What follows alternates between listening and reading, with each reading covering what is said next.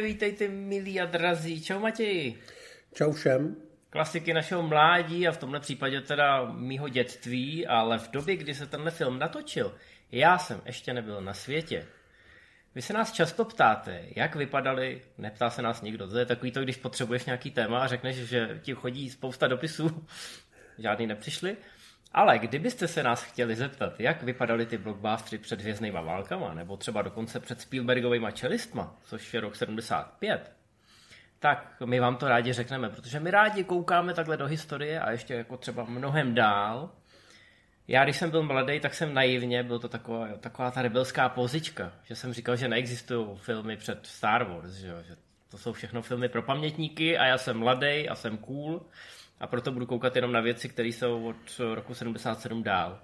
A to by samozřejmě byla velká chyba. A neříkám to proto, že teď jsem starší a zkušenější, ale protože už tenkrát jsem kecal. Já jsem samozřejmě viděl některé filmy, které jsou starší než Star Wars a jedním z nich je Skleněný peklo, protože v devadesátkách a možná dokonce předtím, já nevím, jestli nám komunisti pouštěli, jak eh, američanům hořejí baráky, ale... Já si myslím, že klidně mohli, protože tohle byl ten film, který tam ukazoval jako záporáky ty zlí kapitalisty často a hrdinové byly ty, uh, ty hrdinové z lidu.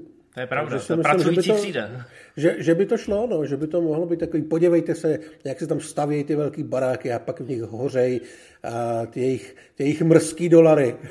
No, já jako upřímně fakt si nepamatuju, když jsem to viděl poprvé, ale vím, že to dávali na české televizi, možná ještě československý, s výborným dubbingem. A já jsem tím filmem byl uhranutý. No, vždycky to měl ten úvod od té hlasatelky a, pak se rozeběhnul skoro tříhodinový film, ve kterým je všechno tak, jak to dneska dělá Christopher Nolan. Všechno, co vidíte, se tam zkrátka opravdu děje. Obrovský masy vody, obrovský fire, největší hvězdy své doby a všechno je to v té kameře. Samozřejmě jsou tam nějaký dokreslovačky a nějaký optické efekty a td. a td. Ale už protože tenkrát nebylo to CGIčko, nebyly žádný prostě tyhle ty berličky, tak se všechno muselo poctivě postavit a pak poctivě zničit. Já mám pocit, že měli asi 57 těch setů udělaných a jenom 8 z nich přežilo do konce natáčení bez nějaký poskvrny. Všechny ostatní schořely nebo byly rozmlácený, nebo je zavalilo prostě hrozný množství vody. A všechnu tuhle zkázu tam vidíte. A já jsem ji viděl opravdu jako malý kluk a koukal jsem na to, měl jsem oči jak CDčka. Tohle pro mě byl ten možná úplně první blockbuster s velkým B. Přesně tak, ale možná bychom mohli říct, o čem to je, když už to je takhle starý film a spousta lidí na to nekouká, protože to je strašně žvězdní války. Skleněný peklo je klasický zástupce sedmdesátkový akčně katastrofický školy. Velký film, jak už si říkal, plný hvězd, plný na svoji dobu velmi odvážných a velkolepých triků, které byly fyzický a opravdový, počítače samozřejmě vůbec. A je to o tom, co se stane, když začne hořet mrakodrap a začne hořet někde vysoko a hasiči se tam nemůžou dostat. Nahoře je spousta lidí, to jsou ty zlí kapitalisti, kteří uhořejí a, a nebo včas prozřou a obětujou se. A Paul Newman se Stevem McQueenem je musí zachránit. Je to v podstatě jednoduchý, je to velká ohnivá show, ale ve své době to byl opravdu gigantický film. Myslím si, že jeden z nejúspěšnějších filmů roku, možná vůbec nejúspěšnější. A hlavně zástupce žánru, který jednu dobu byl v Hollywoodu hrozně populární a najednou vůbec nebyl. O tom se ještě něco řekneme. Je, je to nejúspěšnější film toho roku, co se týče celosvětových tržeb. Ale v Americe to asi o milion dolarů předběhly Ohnivá sedla. Což je westernová parodie od Mela Brookse. Ale jinak samozřejmě byl to největší. My se za chvilku dostaneme k tomu, jak ten katastrofický žánr v první půlce 70. let hrál opravdu velkou roli. Je dost možné, že se některé ty filmy dostaly k nám, nebo prostě Eh, i za, za hranice těch nepřátelských států v úvozovkách, protože se tam těm Američanům dějí nepěkné věci. A dost často, zdaleka nejslavnější katastrofický filmy těchto těch 70. let jsou Skleněný peklo a o dva roky starší dobrodružství Poseidonu, kde se zase zlým kapitalistům převrhne obrovská loď. A oni se o tamto musí dostat. Takže v tomhle případě je hlavní nepřítel ta voda. A producent eh, dobrodružství Poseidonu Irvin Allen. Irvin Allen, ano, nesplet jsem to, tak eh, právě díky Poseidonu a díky i dalším filmům se z něj stal takový expert na tyhle filmy. eh, z pozice producenta teda, takže není tam úplně ta spojitost s tím Emerichem o 20 let později. On teda nějaký tyhle filmy režíroval taky, ale zrovna bohužel tyhle ty dva nejslavnější ne. K tomu si taky ještě něco do, řekneme, že to nebylo úplně tak jako. Nicméně, v tom roce 74, kdy měl skleněný peklo premiéru, tak to už tohle bylo solidně rozjetý, ty katastrofické filmy. Měli jsme ten Poseidon, měli jsme, eh, myslím, že adaptaci Haleyho letiště z roku 1970 a lidi rádi chodili na tyhle věci, protože se samozřejmě báli, že by se něco mohlo stát, ale když se to nestane jim a stane se to na stříbrném plátně, tak to je vlastně v pohodě. Pojďme se na to aspoň mentálně připravit tím, že to uvidíme v kině. A jakmile Hollywood zjistil, že je poptávka po těchto katastrofických filmech, tak je samozřejmě začal chrlit, je tam určitý to spoždění. A v roce 1974 už jsme měli minimálně čtyři velký pány na holení. Eh, byly tady prostě katastrofické filmy a to bylo blockbusterový řemeslo. My o blockbusterech mluvíme až v souvislosti s čelistma, ale je nutný dodat, že všechny tyhle filmy měly poměrně velký, když už ne vždycky kritický, tak kasovní úspěch. A i když to skleněné peklo po letech eh, nad nima vyčnívá, nejen tou výškou té konstrukce, tak se sluší připomenout i ty ostatní filmy z toho roku. Přesně tak. Ještě k tomu vlastně, k tomu blockbusteru před érou Star Wars, respektive před érou čelistí. Ehm, my jsme tady vlastně říkali, že ten Irvin Allen a vůbec ten žánr stál na tom, že to všechno bylo velký a opravdový, ale hlavně to bylo opravdu narvaný hvězdama. Ten každý druhý člověk byl více či méně slavný. A Ellen dokonce později jak se vyjadřoval ke Star Wars, že absolutně nechápe, jak to mohlo uspět, protože tam nejsou hvězdy a není tam romantická linie. Takže ty katastrofické filmy jsou do značné míry všechny stejný. Vždycky tam je někdo, kdo cítí nějaký nebezpečí, vždycky tam je někdo, kdo ho neposlouchá, což si vlastně konec konců půjčil později třeba i Spielberg v těch čalistech. Pak se stane nějaký velkolepý průšvih, který na tom plátně vypadá dobře a e, parta přeživších se pokouší dostat do bezpečí a průběžně e, se buď obětovávají nebo tragicky umírají a na konci to přežijou ti nejdůležitější samozřejmě. Je to vlastně asi taková, dneska bychom řekli, jako velmi klišovitá formule. Ty, eh, ty filmy ničím nepřekvapějí, ale překvapějí tou zručností, kterou byste možná v této době vůbec nečekali. A tou velkolepostí.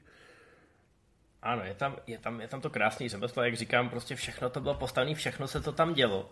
Dokonce i ty největší hvězdy, které v tom hráli, tak uh, v ty dny, kdy nemuseli být na place, tak tam stejně přišli, protože věděli, že tam něco bude hořet, vybuchovat a chtěli to vidět, protože vidět to naživo a vidět to v tom kině, eh, nebyl zas takový rozdíl oproti dnešku. Dneska prostě jdete a je tam zelený plátno a pak v kině teprve vidíte, jak to má vypadat. Tady jste to mohli vidět naživo několik eh, měsíců před eh, premiérou a mohli jste být doslova vedle toho. Takže když se tam něco odpalovalo, tak to fakt dělalo hrozný, ale hrozný bugr. Dokonce to některý ty herce regulérně vystrašilo, takže ani nemuseli moc hrát. Tam je teda scéna, kde to mělo ty herce vystrašit a tu myslím točili tak, že Irvin Allen na place, aniž by to komukoliv řekl, vystřelil z pistole, aby zachytil co nejreálnější úlek ve tvářích těch herců, který tohle to nečekali. Takže takhle se točilo před čelistma. Je to trochu, je to trochu jiná doba. Nicméně ty další tři filmy, které uh, patřily do toho katastrofického žánru, asi je neznáte, protože nebyli tak úspěšní jako to skleněné peklo. Bylo to letiště 1975, který navzdory názvu teda mělo premiéru už v roce 74, ale bylo patřičně progresivní. A to byl přímý sequel toho letiště z roku 1970. A už to bylo trošku, už to bylo trošku na hraně, už to dokonce bylo zralý na parodii, který jsme se dočkali o pár let později. Tak ono bylo i hůř těch letiště dohromady, asi pět, pokud se nepletu. A je to ano. furt jako horší a horší na Češ konečně samozřejmě udělali jsme k tomu taky speciál, můžete si opustit. Vzniklo Připoutejte se prosím, který přesně tenhle ten druh katastrofických filmů parodovalo. Jo, prostě máte posádku letadla, jedna půlka letadla si dá rybu, druhá půlka si dá kuře, ryba je otrávená, respektive skažená a už je problém na světě. No, nicméně letiště až tak nezazářilo, pak jsme tady měli zemětřesení. Samozřejmě přesně po vzoru toho, jak si říkal, musí tam být nějaká velká hvězda vedle té katastrofy, takže tady máme Charltona Hestona. Tady už měl, řekněme, to nejlepší za sebou v podstatě planetě opic a tady, tady se sice hodně snažil, ale zemětřesení, který měl premiéru, mám pocit, měsíc po skleněném pekle, tak eh, skončilo víceméně v zapomnění. No a potom tady je film, který trošku se snažil těžit z toho dobrodružství Poseidonu, i když jiným způsobem. Jmenuje se to Ohrožení Britanniku. Jestli to znáte, tak máte bonusové body. Já mám ten film moc rád. Matěj Já ho mám má taky moc rád. ale je po hříchu zapomenutý, hraje v něm výborný Richard Harris. A Ale je tam třeba Anthony Hopkins, myslím, A Omar David Sharif. Hennings, ano. Velký Velký všude, všude. Ano, ano. A výborný herci samozřejmě. No a jsou tam sudové bomby a Richard Harris eh, je šampion, takže musí otvírat a musí je stříhat a vyřešíte tam to klasický dilema, jestli zelený nebo červený drát, když tam je možná modrý, já teď nevím. Já si teď taky nejsem jistý. Je to výborný film právě proto, že se víc soustředí na ty herce a není to takový ten katastrofický jako, hele, tady je velký výbuch a velká loď se převrátí na bok. Tady se furt řeší to drama a ta tenze, jestli se to stane, jestli nějaká ta bomba vybuchne a půjde to všechno do háje. Takže ty nejnapí, nejnapínavější scény jsou o tom, že jeden týpek sedí u otevřeného sudu a malýma kleštičkama se tam snaží uh, dopátrat uh, nějakých pastiček, které jsou v tom mechanismu na něj skrytý, aby ho zabili. Takže v tomhle směru to bylo trošku jiný, eh, lidi na to možná tak úplně nezareagovali, eh, jak se očekávalo, takže to nebyl komerční úspěch, ale je to další z těch filmů, který dávali v těch českých televizích v 90. a který mě teda velmi, velmi ovlivnil. Ale pak je tu to skleněný peklo, který zkrátka bylo už na začátku vymyšlený tak, aby bylo co největší. Tady samozřejmě je nutný zopakovat ten úspěch dobrodružství Poseidonu, že Irvin Allen přesně věděl, co dělá a co funguje. Já jsem teďka koukal, že oficiálně to dobrodružství Poseidonu točil někdo jiný, myslím, že Richard Neem, ale on tam do toho kecal, přesně jak říkal Vašek, tehdy se úplně nenosilo to, že by producent byl režisér a Ellen na tom place samozřejmě byl, hodně do toho mluvil, ale vlastně Ofiko tam s tou režií moc spojovaný být nemohl z těch či o něch důvodů, spíš On je- těch on je- zvykových. No. On je takový Bruckheimer 70. let, ale s tím, Tak. že do toho opravdu sahal. Ne, že do toho kecal, ale že půlku toho natočil a pak hledal nějakého režiséra, který by potom mohl podepsat. No, jako měl Bruckheimer, Dominika Senu a podobný. Dobrý, půjdeme, půjdeme konečně na to skleněný peklo, protože tam to začalo být zajímavý dlouho předtím, než se vůbec začalo točit. Tam to začalo být zajímavý v době, kdy se teprve začal psát, eh, začala psát knižní předloha, respektive ty knižní předlohy byly dvě. A dvě studia měly pocit, že by z toho mohly být velký a úspěšný filmy. Ale Irvin Allen věděl, že by z toho taky mohlo být velký mrzení.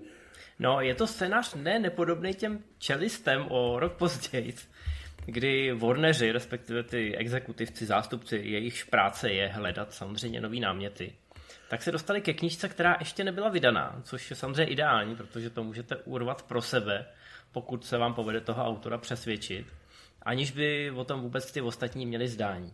Bohužel v tomhle případě šlo o knížku Tower, věž od Richarda Martina Sterna, tak ve chvíli, kdy o to Warneri začali mít zájem, tak ten autor si řekl, hele, z toho čouhají nějaký peníze a vyhlásila se oficiální aukce, která byla veřejná a do které se přihlásily i ty další studia. Jo, u, myslím, že tam byla Columbia Pictures a 20th Century Fox a teď se samozřejmě začali předhánět. No ale Warneri, protože ty o to měli zájem už od začátku, tak eh, nechtěli prohrát. Nechtěli si to nechat eh, ujít a nabídli 400 tisíc dolarů, což na svoji dobu teda byly velký peníze. A i když se ten Ellen snažil a tlačil na ty Foxy a říkal, hele, hele, tohle je, tohle je obrovská šance, budeme mít další dobrodružství Poseidonu. Kupte to, kupte to. Tak nakonec se to nepovedlo. Ale Foxové, respektive Ellen, se nevzdávali tak snadno a zjistili, že, že na trh míří další knížka, která je plus minus o tom samém a jmenuje se Glass Inferno, v češtině skleněné peklo. A tak si kopli práva na ní. A samozřejmě, protože ty dva autoři ty další knížky věděli, že se předtím prodala ta věž, tak si taky řekli o 400 tisíc, chytře. A najednou jsme měli v Hollywoodu dva konkurenční projekty, které byly plus minus o tom samém. A ten Ellen samozřejmě nebyl hloupej. I z pozice producenta věděl, že když se obě studia rozhodnou, že si budou přeměřovat pindíky, že tady můžou vyrůst dva velký projekty. Viděli jsme, budou- to, viděli jsme to třeba že jo, na Sobce a rozpoutaném pekle, viděli jsme to na Armagedonu a drtivém dopadu. E, V ideálním případě jeden uspěje a druhý ne, ale obvykle to často může skončit, takže neuspěje ani jeden. Což myslím si, že přesně ty věci, které jsi zmínil, tak, tak byly spíš negativně ovlivněný tím, že, že šli do kin plus minus ve stejnou dobu a jeden z nich vždycky trošku prohrál. A Ellen tohle to věděl a protože se mu ty, ten námět fakt líbil a měl v tom Hollywoodu poměrně velký vliv, tak se rozhodl, že půjde za zástupcema obou těch studií a zkusí je dostat ke společnému stolu. Ne, že by se tyhle věci neděly, ale je to často velká výjimka, že se dvě velký hollywoodský studia rozhodnou, že budou na něčem pracovat společně. Protože... Tady, se, tady se domluvili, že to tak bude. E, ta dohoda fungovala tak, že financování bylo opravdu 50-50, přičemž si rozdělili e, distribuční trhy. Warneri, myslím, měli Ameriku a Foxové měli zbytek světa, nebo to bylo obráceně? Myslím, že obráceně. Foxové měli Ameriku a Kanadu, hmm. Warneri měli zbytek světa a videopráva, Jinak se točilo u Foxu, protože Irvin Allen byl s Foxama spojený, znal to studio, znal tam ty lidi a bylo to praktičtější, nemusel se učit nic nového. Ale co se týče financování, tak to opravdu bylo 50 na 50. Tak. No a je hrozně zajímavý, že scénárista uh, Stirling Silifant eh, vzal obě dvě ty knížky, z každý vzal půlku postav a nějaký nápady. Mám pocit, že z té věže vzal ten nápad s tím výtahem nebo s takovou tou sedečkou, která je natažená. Jo, s tou eh, děsivou lanovkou. Ano, lano je natažený mezi dvěma eh, věžákama, tím hořícím a nějakým, co je vedle a ten je nižší. A samozřejmě pouhou gravitací je na to, je na to pověšena nějaká sedačka a jedete dolů jako na takový ziplejně. Z toho jsem měl jako dítě teda velký děsy. měl do ničeho takového bych nesednul. Taky jsem měl děsy z těch venkovních výtahů, protože to tady taky hraje roli venkovním výtahům nevěřte. Je z nich hezký výhled, ale může se vám po každý propadnout eh, podlaha pod nohama. Pak jsem viděl posledního akčního hrdinu, tak to by taky nepřidalo. No jasně. Venkovním výtahům nevěřte. No a z druhé knížky je zase přebraný eh, ten nápad s tím finále, že tam vybuchnou obrovský zásobníky vody v tom nejvyšším patře a ta voda eh, uhasí celý zbytek mrakodrapu. Není bez zajímavosti, že v obě dvě ty knížky Eh, byli inspirovaný eh, dostavbou a otevřením New Yorkských dvojčat eh, v roce 1973. Samozřejmě skleněný peklo, i když bylo obrovským úspěchem tehdy, tak časem se na podobné filmy zapomene, zvlášť když patří do žánru, který následně tvoří spíš okraj toho Hollywoodu. Nicméně samozřejmě, když eh, v roce 2001 eh, začaly dvojčata hořet, tak eh, si okamžitě lidi na skleněný peklo vzpomněli. Ne jako, že by ho šli nakoukávat, ale zkrátka ty paralely tam, tam byly značný Málo ono, to je, kdo... ono to je opravdu i dneska dost působivý, protože ty praktické efekty se neokoukají, ty herci dobře hrajou a narvalo se do toho tehdy hodně peněz, takže no. i když tam občas vidíte, že to je miniatura, to, co tam hoří, tak to prostě opravdu funguje velmi dobře a myslím si, že tehdy na tom velkém plátně to pro spoustu lidí mohlo být hodně nepříjemný. No, ale ta, ta, ta souvislost s těma dvojčatama málo kdo si uvědomuje, že ty knížky a potažmo teda i ten film jsou ta úvaha o tom, co by se stalo, kdyby podobně vysoká budova, jako jsou dvojčata, co by se stalo, kdyby začala hořet v nějakém tom vyšším patře a jak by se to řešilo. A nikdo netušil, že to, co je pouhá hollywoodská hříčka, se, se pak stane skutečností. Mimochodem ten Steve McQueen, který tam hraje toho šéfa těch hasičů, tak tam má právě ten konflikt s tím architektem, který ho hraje Paul Newman a říká mu, vy přece dobře víte, že cokoliv, co je vejš než v sedmém patře, je pro nás hrozný problém uhasit a stejně ty baráky stavíte vyšší a vyšší. Jo? Takže oni hned na začátku jsou tak trošku proti sobě. Za chvilku se dostaneme k tomu, že jako i to obsazení tomu trošku nahrávalo. Nicméně jsem chtěl jenom jako zmínit ten, eh, ten osudový kruh mezi eh, dvojčatama a tou knižní předlohou, respektive oběma. Tak no. Já se ještě jenom na vteřinu vrátím k tomu Elenovi, který tady není podepsaný opět jako režisér, jak jsme se bavili. Tady to točil John Gillerman, který dělal třeba v 70. letech King Konga, byl to takový velmi solidní řemeslník.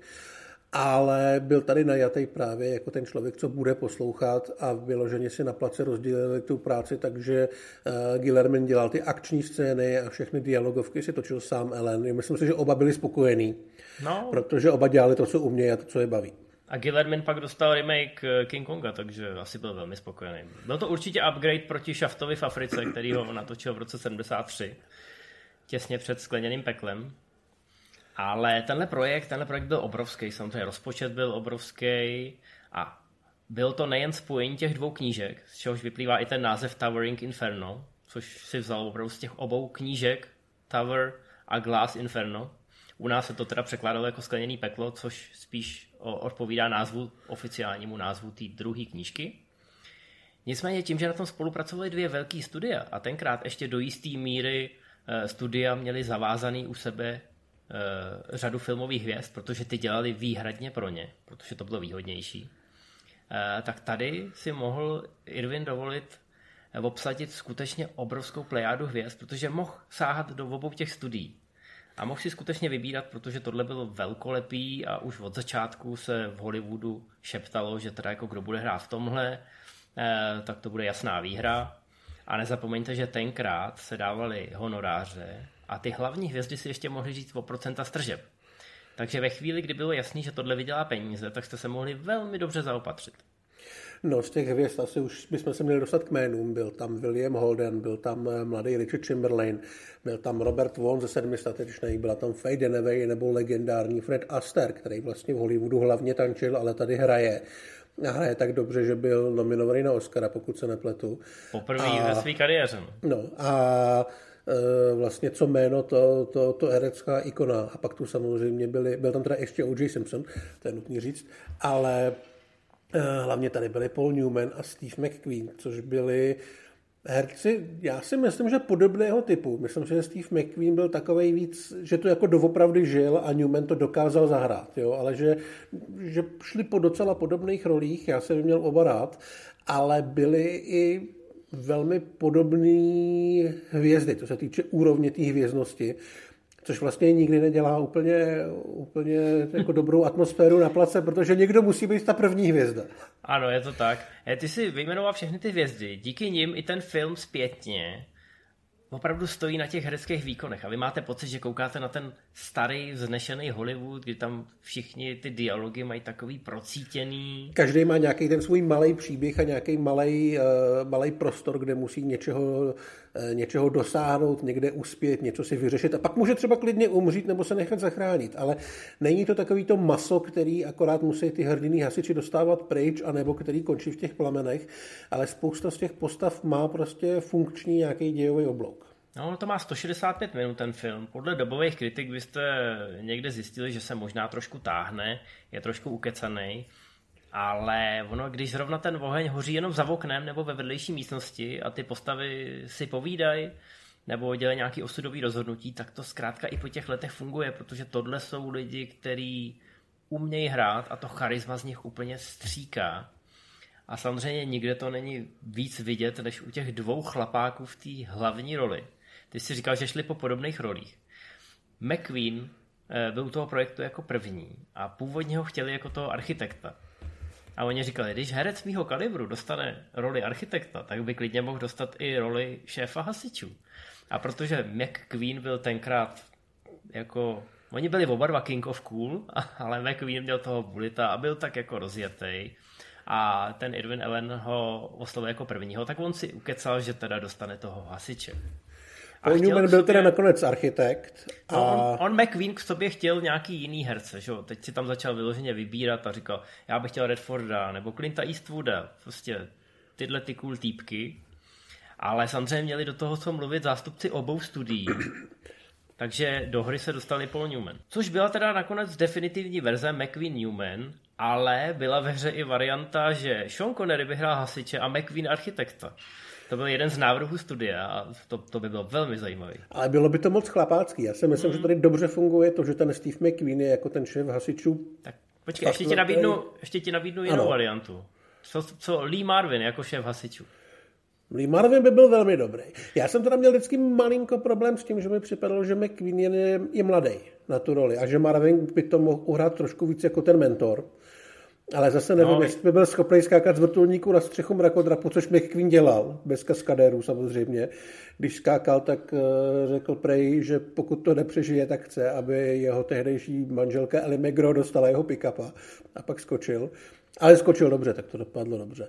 Já si myslím, že ten casting nakonec je v těch hlavních rolích úplně ideální, protože McQueen tu hraje drsňáka a ty drsňáci mu jdou a Newman tu hraje toho architekta, toho, co víc vysvětluje, víc přemýšlí a zároveň to hrdinství u něj je takový, eh, ne natolik přirozený, že se musí víc snažit, když tam třeba přetahuje nějaký ty lidi po tom zborceném schodišti a takový, že se o něj víc člověk bojí. O tom McQueen by se tolik nebal. No, u, u něj je ten přerod jasný. On je ten architekt, který teda plnil plány těch investorů. A zjistil, zjistil že, ty, že ho trošku podrazili. Pak zjistil, že je ta stavba celá ošulená a nakonec tomu požáru dojde právě kvůli tomu. A on cítí nějakou vnitřní zodpovědnost, že teda je to jeho dítě, ta stavba. A že on musí ty lidi taky zachránit a přiložit ruku k dílu. A mezi těma dvěma je tam samozřejmě eh, určitá tenze. Oni se tam ale... moc často nepotkají, se potkají úplně na konci, ne? Ale no, mluví no, spolu přes nějaký vysílačky a tak. To je, to je ta finta, že McQueen přijde do toho děje až někdy ve 43. minutě. Uh-huh. Ale Paul Newman a Steve McQueen měli stejnou smlouvu. Oba dva dostali 1 milion a 10% stržeb a oba dva chtěli být ve všem rovnocený. A šlo to až do naprostých detailů. Šlo to do hrozných extrémů. Třeba Paul Newman zjistil, že, no Steve McQueen zjistil, že Paul Newman má o 12 řádků dialogů víc, takže si opravdu vydopal, že budou mít naprosto stejný počet řádků dialogů ve scénáři. A řešilo se samozřejmě, kdo bude první napsaný v titulcích. A došlo to k tomu, že vlastně se jejich jméno objeví najednou, objeví se zároveň, přičemž jedno je vpravo nahoře a druhý je vlevo dole, takže záleží na vás, jakým způsobem to budete číst. A oba byli tím pádem první a druhý a opravdu to bylo všechno, všechno stejný. Jenom Newman teda ke konci si stěžoval, že tím, že je v tom filmu úplně od začátku a musí vysvětlovat ty věci, jako pro, jak ten mrakodrap funguje, co se tam vošulilo při té stavbě, tak si ty svý dialogy vypotřebuje hrozně rychle a v té druhé půlce už ne, vlastně moc není, protože nesmí moc mluvit, protože mluvit musí McQueen. Ale jako mně to přijde, mně to přijde stylový, že se takovýmhle způsobem řešil ten casting. No, tam ty Ega samozřejmě pracovali, oni oba dva jsou, nebo byli v soukromém životě i velký fanoušci do aut a závodníci. Oni určitě tak... nebyli, nebyli jako naživo, že by tam bylo nějaké nepřátelství. Oni byli sokové a byli to takový jako rivalové, ale myslím si, že v dobrým. Tam normálně byly historky o tom, jak společně organizovali nějaký, uh, nějaký akce během toho natáčení, kam přizvali vždycky trikaři a takový a pak tam popíjeli pivo.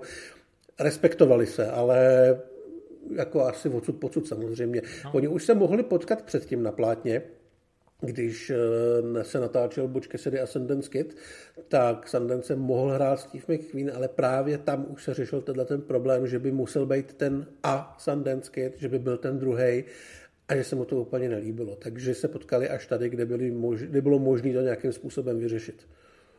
No, ale ta přirozená rivalita rozhodně tomu snímku prospívá, i protože oni se ze začátku moc nemusí a až ke konci samozřejmě poznají, že každý z nich má eh, ten stejný cíl a akorát to třeba dosahují nějak jinak a je tam ten vzájemný respekt okamžitě. Ale zkrátka ty, ty, tyhle ty věci na place, že se pak trumfovali, kdo z nich udělá víc kaskaderských kousků a ten Irvin Allen na ně obařval, že tohle prostě nemůžou, že je to fakt nebezpečný tak eh, to, to jsou samozřejmě, to je takový to koření zákulisní. Je teda pravda, že ten film šel do kin a měl obrovský úspěch. Opravdu masivní. A ty herci si vydělali spoustu peněz. Dokonce tolik, že Steve McQueen potom čtyři roky nemusel eh, nic dělat. Ale skoro všichni herci se o tom vyjadřovali tak jako, že no, je to takový katastrofický film a někteří měli výtky. William Holden, ten byl naštvaný samozřejmě, protože nebyl první v těch titulcích, Taky chtěl, chtěl, ale bylo mu řečeno, že už je starý a už není tak slavný. Jeho kariéra už není něco bývala, ale v 50. letech samozřejmě by se tam dostal úplně bez problému. Nicméně on si stěžoval i na to, že ta jeho role je o tom, že že telefonuje. Půlku všech cen má telefon na uchu a někam hrozně důležitě telefonuje. Což samozřejmě není to hrdinství, který tam předvádějí ty uh, hlavní dva herci. No a Paul Newman ten si stěžoval, že teda sice je z toho hodně peněz, ale že po druhý už by to neudělal. Protože, jak si sám řekl, je tam v té druhé půlce zastíněný tím hasičem. Nejen proto, že Steve McQueen je ten šéf hasičů, který to teda opravdu uhasej, když to ten Paul Newman hasí spíš ty průšvihy těch investorů, ale právě, jak si říkal, má víc těch hlášek a nemá tu, nemá tu expozici. Může, může se zdržovat takovým tím, že řve na lidi a dává rozkazy a asi, asi, asi lidi byli víc nadšený z, z toho McQueena a chtěli být víc jako McQueen. Newman vyloženě řekl, že se nechal poprvé a naposled v kariéře zblbnout číslama, ať už to byl ten milion, který dostal a ty procenta, a nebo takový to ujištění, jo, dostanete stejný počet řádek dialogů a takový, až vlastně během toho natáčení mu došlo, že, že bude muset být upozaděný na, na úkor toho McQueena. No, ale na Edvina Elena naštvaný nebyl, protože o pět let později spolu natočili další katastrofický film. Když se už... čas naplnil, ale o tom ještě si něco řekám, tam to je trošku složitější.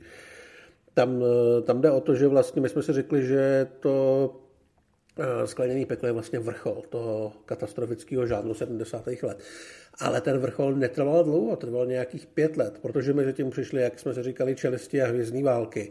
A Irvin Allen nebyl úplně schopný se přehodit. On mezi tím dělal, eh, nebo po skleněném pekle dělal dvojku mm, Poseidona, která není vůbec dobrá. Potom udělal katastrofický Roy, kde hraje tuším Michael Caine a je to o hmm. obrovském roji včel, který ničí města, prostě naprosto klasický katastrofický film. Vznikly i další věci, se kterými neměl moc společného. Vznikal třeba Meteor se Seanem Connerym. A, no, a, vlastně. a to už byly filmy, které nebyly příliš úspěšné.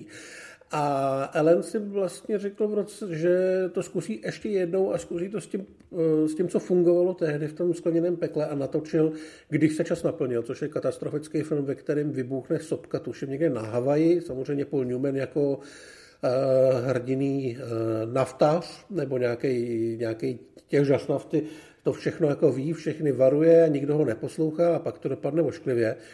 A dopadlo to teda velmi ošklivě i v kinech. Ten film byl šílený průšvih vlastně během pěti let eh, se ukázalo, že ta popularita toho žánru šla z absolutních výšin absolutně dolů, absolutně jinam. A najednou to působilo jako relikt z jiné doby, z jiné doby před hvězdnýma válkama. A Newman do toho šel hlavně kvůli tomu, že prostě s Ellenem byli, byli kamarádi a Zase tam bylo vlastně tohleto veliký obsazení, myslím, tam hraje Ava Gardner nebo někdo takový, je tam dost takových slavných herců, ale už to prostě vůbec nefungovalo. Ano. Eh, ten, ten přerod byl obrovský na konci těch 70. Eh, let a eh, toho Elena nechal ve zpětném zrcátku. Katastrofický filmy pak vyklidili pole na skoro 20 let. Až v druhé půlce 90. jsme se zase trošku schopili a nebylo to jenom díky Emerichovi, protože měli jsme tady Twister, měli jsme, kromě hurikánů, jsme měli sopky, jak už si zmínil, dokonce dvoje. Měli jsme třeba, já nevím, denní světlo by se to, do toho dal taky počítat, že jo? No určitě, tam máme nějaký zemětřesení a nějaký záplavy. Bylo toho spousta, zkrátka katastrofy byly zase chvilku sexy. Hlavně i díky tomu, že pomocí digitálních triků, které byly od prvního jurského parku na stálém zestupu a byli čím dál tím lacinější, takže se dali s nás pořídit, tak konečně se ty katastrofy daly vyrábět čím dál tím větší. Ale už tam nebylo to kouzlo toho, že se to dělo vyloženě přímo na tom place, přímo před tou kamerou.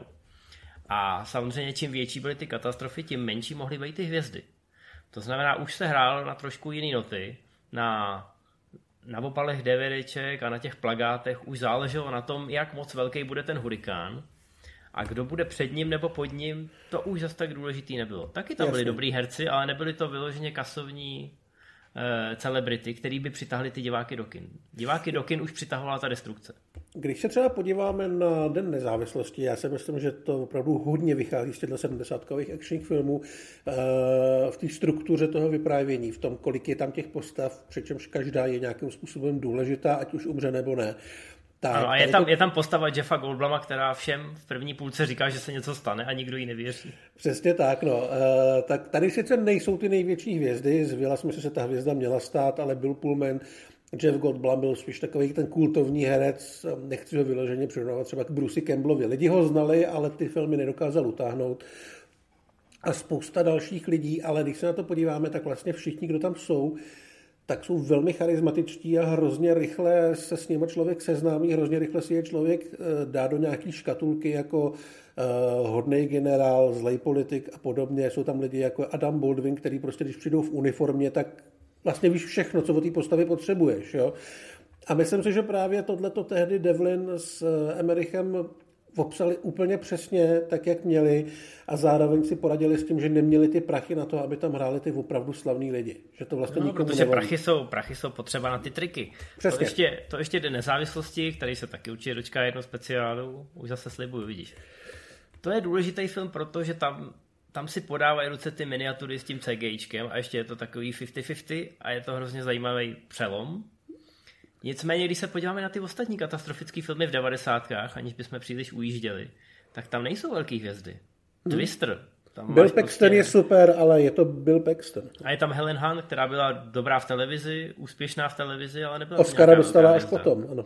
No, v sobce hraje N. Hatch. Kdo je, hmm. kdo je N. Hatch? Jako? Přesně tak. Rozpoutaný peklo OK, to je obsazený dobře, ale přece jenom Pierce Brosnan měl za sebou teprve jednu bondovku? Jednu nebo dvě, ale zase tam chybějí ty vedlejší postavy, podle mě, nebo já si z toho vybavím, kromě Lindy Hamilton, nějakého toho jeho šéfa, který se mu potom v půlce omlouvá, že mu nevěřil a pak ho smete ta, smete ta řeka, že jo. Takže tam to v tomhle směru zase nebylo tak epický, jako u toho dne nezávislosti, nebo tak jo. Ale třeba Ní... když se podíváme na Godzilla, tak tam chybějí tyhle postavy. Hmm. Ní... No v Godzilla je největší hvězda Jean Reno, to, to hovoří za vše. Nikdo nikomu nevěří, to je základní předpoklad všech těchto filmů. Ale vy můžete, vy můžete věřit nám, že tohle je opravdu velká pecka, která díky těm hereckým výkonům a těm praktickým efektům nezestárla tak moc, jak byste si mohli myslet. Nehledě na to, že to hlavní téma, to znamená, že někdo vošulí nějakou stavbu a pak se stane něco hodně ošklivého, tak to je v podstatě aktuální celou dobu a děje se to znova a znova. Já bych chtěl jenom dodat, že Skleněný peklo, ačkoliv je historií trošku zapomenutý, a všichni říkají, ten první blockbuster to byly čelisti, Není to pravda, děti. Skleněný peklo vydělalo skoro stejně peněz jako čelisti. Problém byl v tom, že, to, že ty prachy vydělalo pomalejc. Protože zatímco čelisti byli ten první moderní blockbuster v tom, že šli do těch kin v podstatě naraz. Po celé Americe. Po celé Americe, nebo respektive šlo to hrozně rychle, protože všichni o to měli zájem a ty kinaři se vyloženě hlásili a říkali, jo, my to taky chceme, rychle, potřebujeme to. Tak, Skleněný peklo a v podstatě všechny americké filmy před ním, teď samozřejmě hodně generalizuju, varuju Radomíra Kokeše, aby mi pak nepsal, tak spousta těch filmů předtím se distribuovala postupně. To znamená, měli jste největší města, tam se to hrálo několik týdnů, pak to šlo do těch menších měst, což ale v Americe je pořád město jako kráva, a pak to šlo dál a dál, takže to šlo takhle ve vlnách. A ten bylo třeba dělal... několik, několik měsíců se to mohlo promítat po celé Americe. Dneska vlastně, máme, dneska vlastně máme film eh, měsíc v těch kinech a pak už, pokud to není Top Gun nebo nějaký podobný zázrak, tak... Tak jde rovnou na No.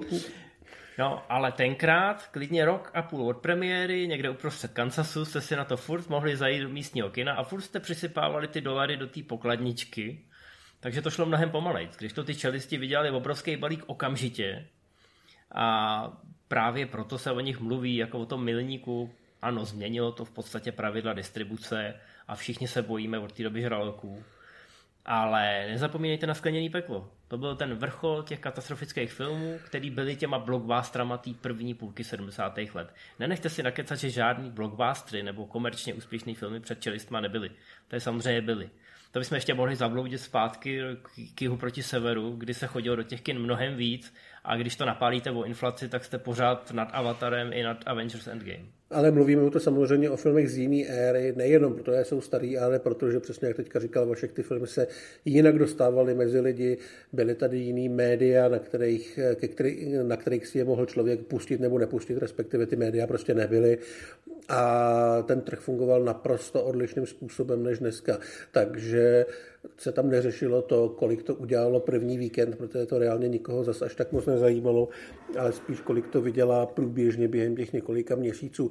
Eh, já bych úplně jako neřekl, že to byl první blockbuster, pokud bychom to brali jako, že ten blockbuster vznikl s těma čelistma, protože ty fronty se stály po celém bloku, ale že to byl první nebo poslední v uvozovkách blockbuster té éry předtím. Takhle bych to asi nazval. No, samozřejmě je to komplexní, není to černobílý a v roce 2032 o tom napíšeme krásnou knížku. tak, Zase slibuješ. To je poslední slib dnešní relace. Já doufám, že jste si to užili. Běžte si pustit skleněný peklo, eh, protože je výborný i po těch letech a uvidíte tam spoustu herců, jejichž kariéru jste třeba třeba možná ještě neměli šanci ochutnat. Nemluvím teď zrovna o Newmanovi a McQueenovi, ale třeba o těch hercích ve vedlejších rolích. A třeba vás to inspiruje podívat se do toho starého Hollywoodu a něco si z něj vytáhnout. Rozhodně to stojí za to. Tak my se budeme těšit zase příště při ohlížení a nechte se překvapit, co zase vybereme. Ciao. Ciao.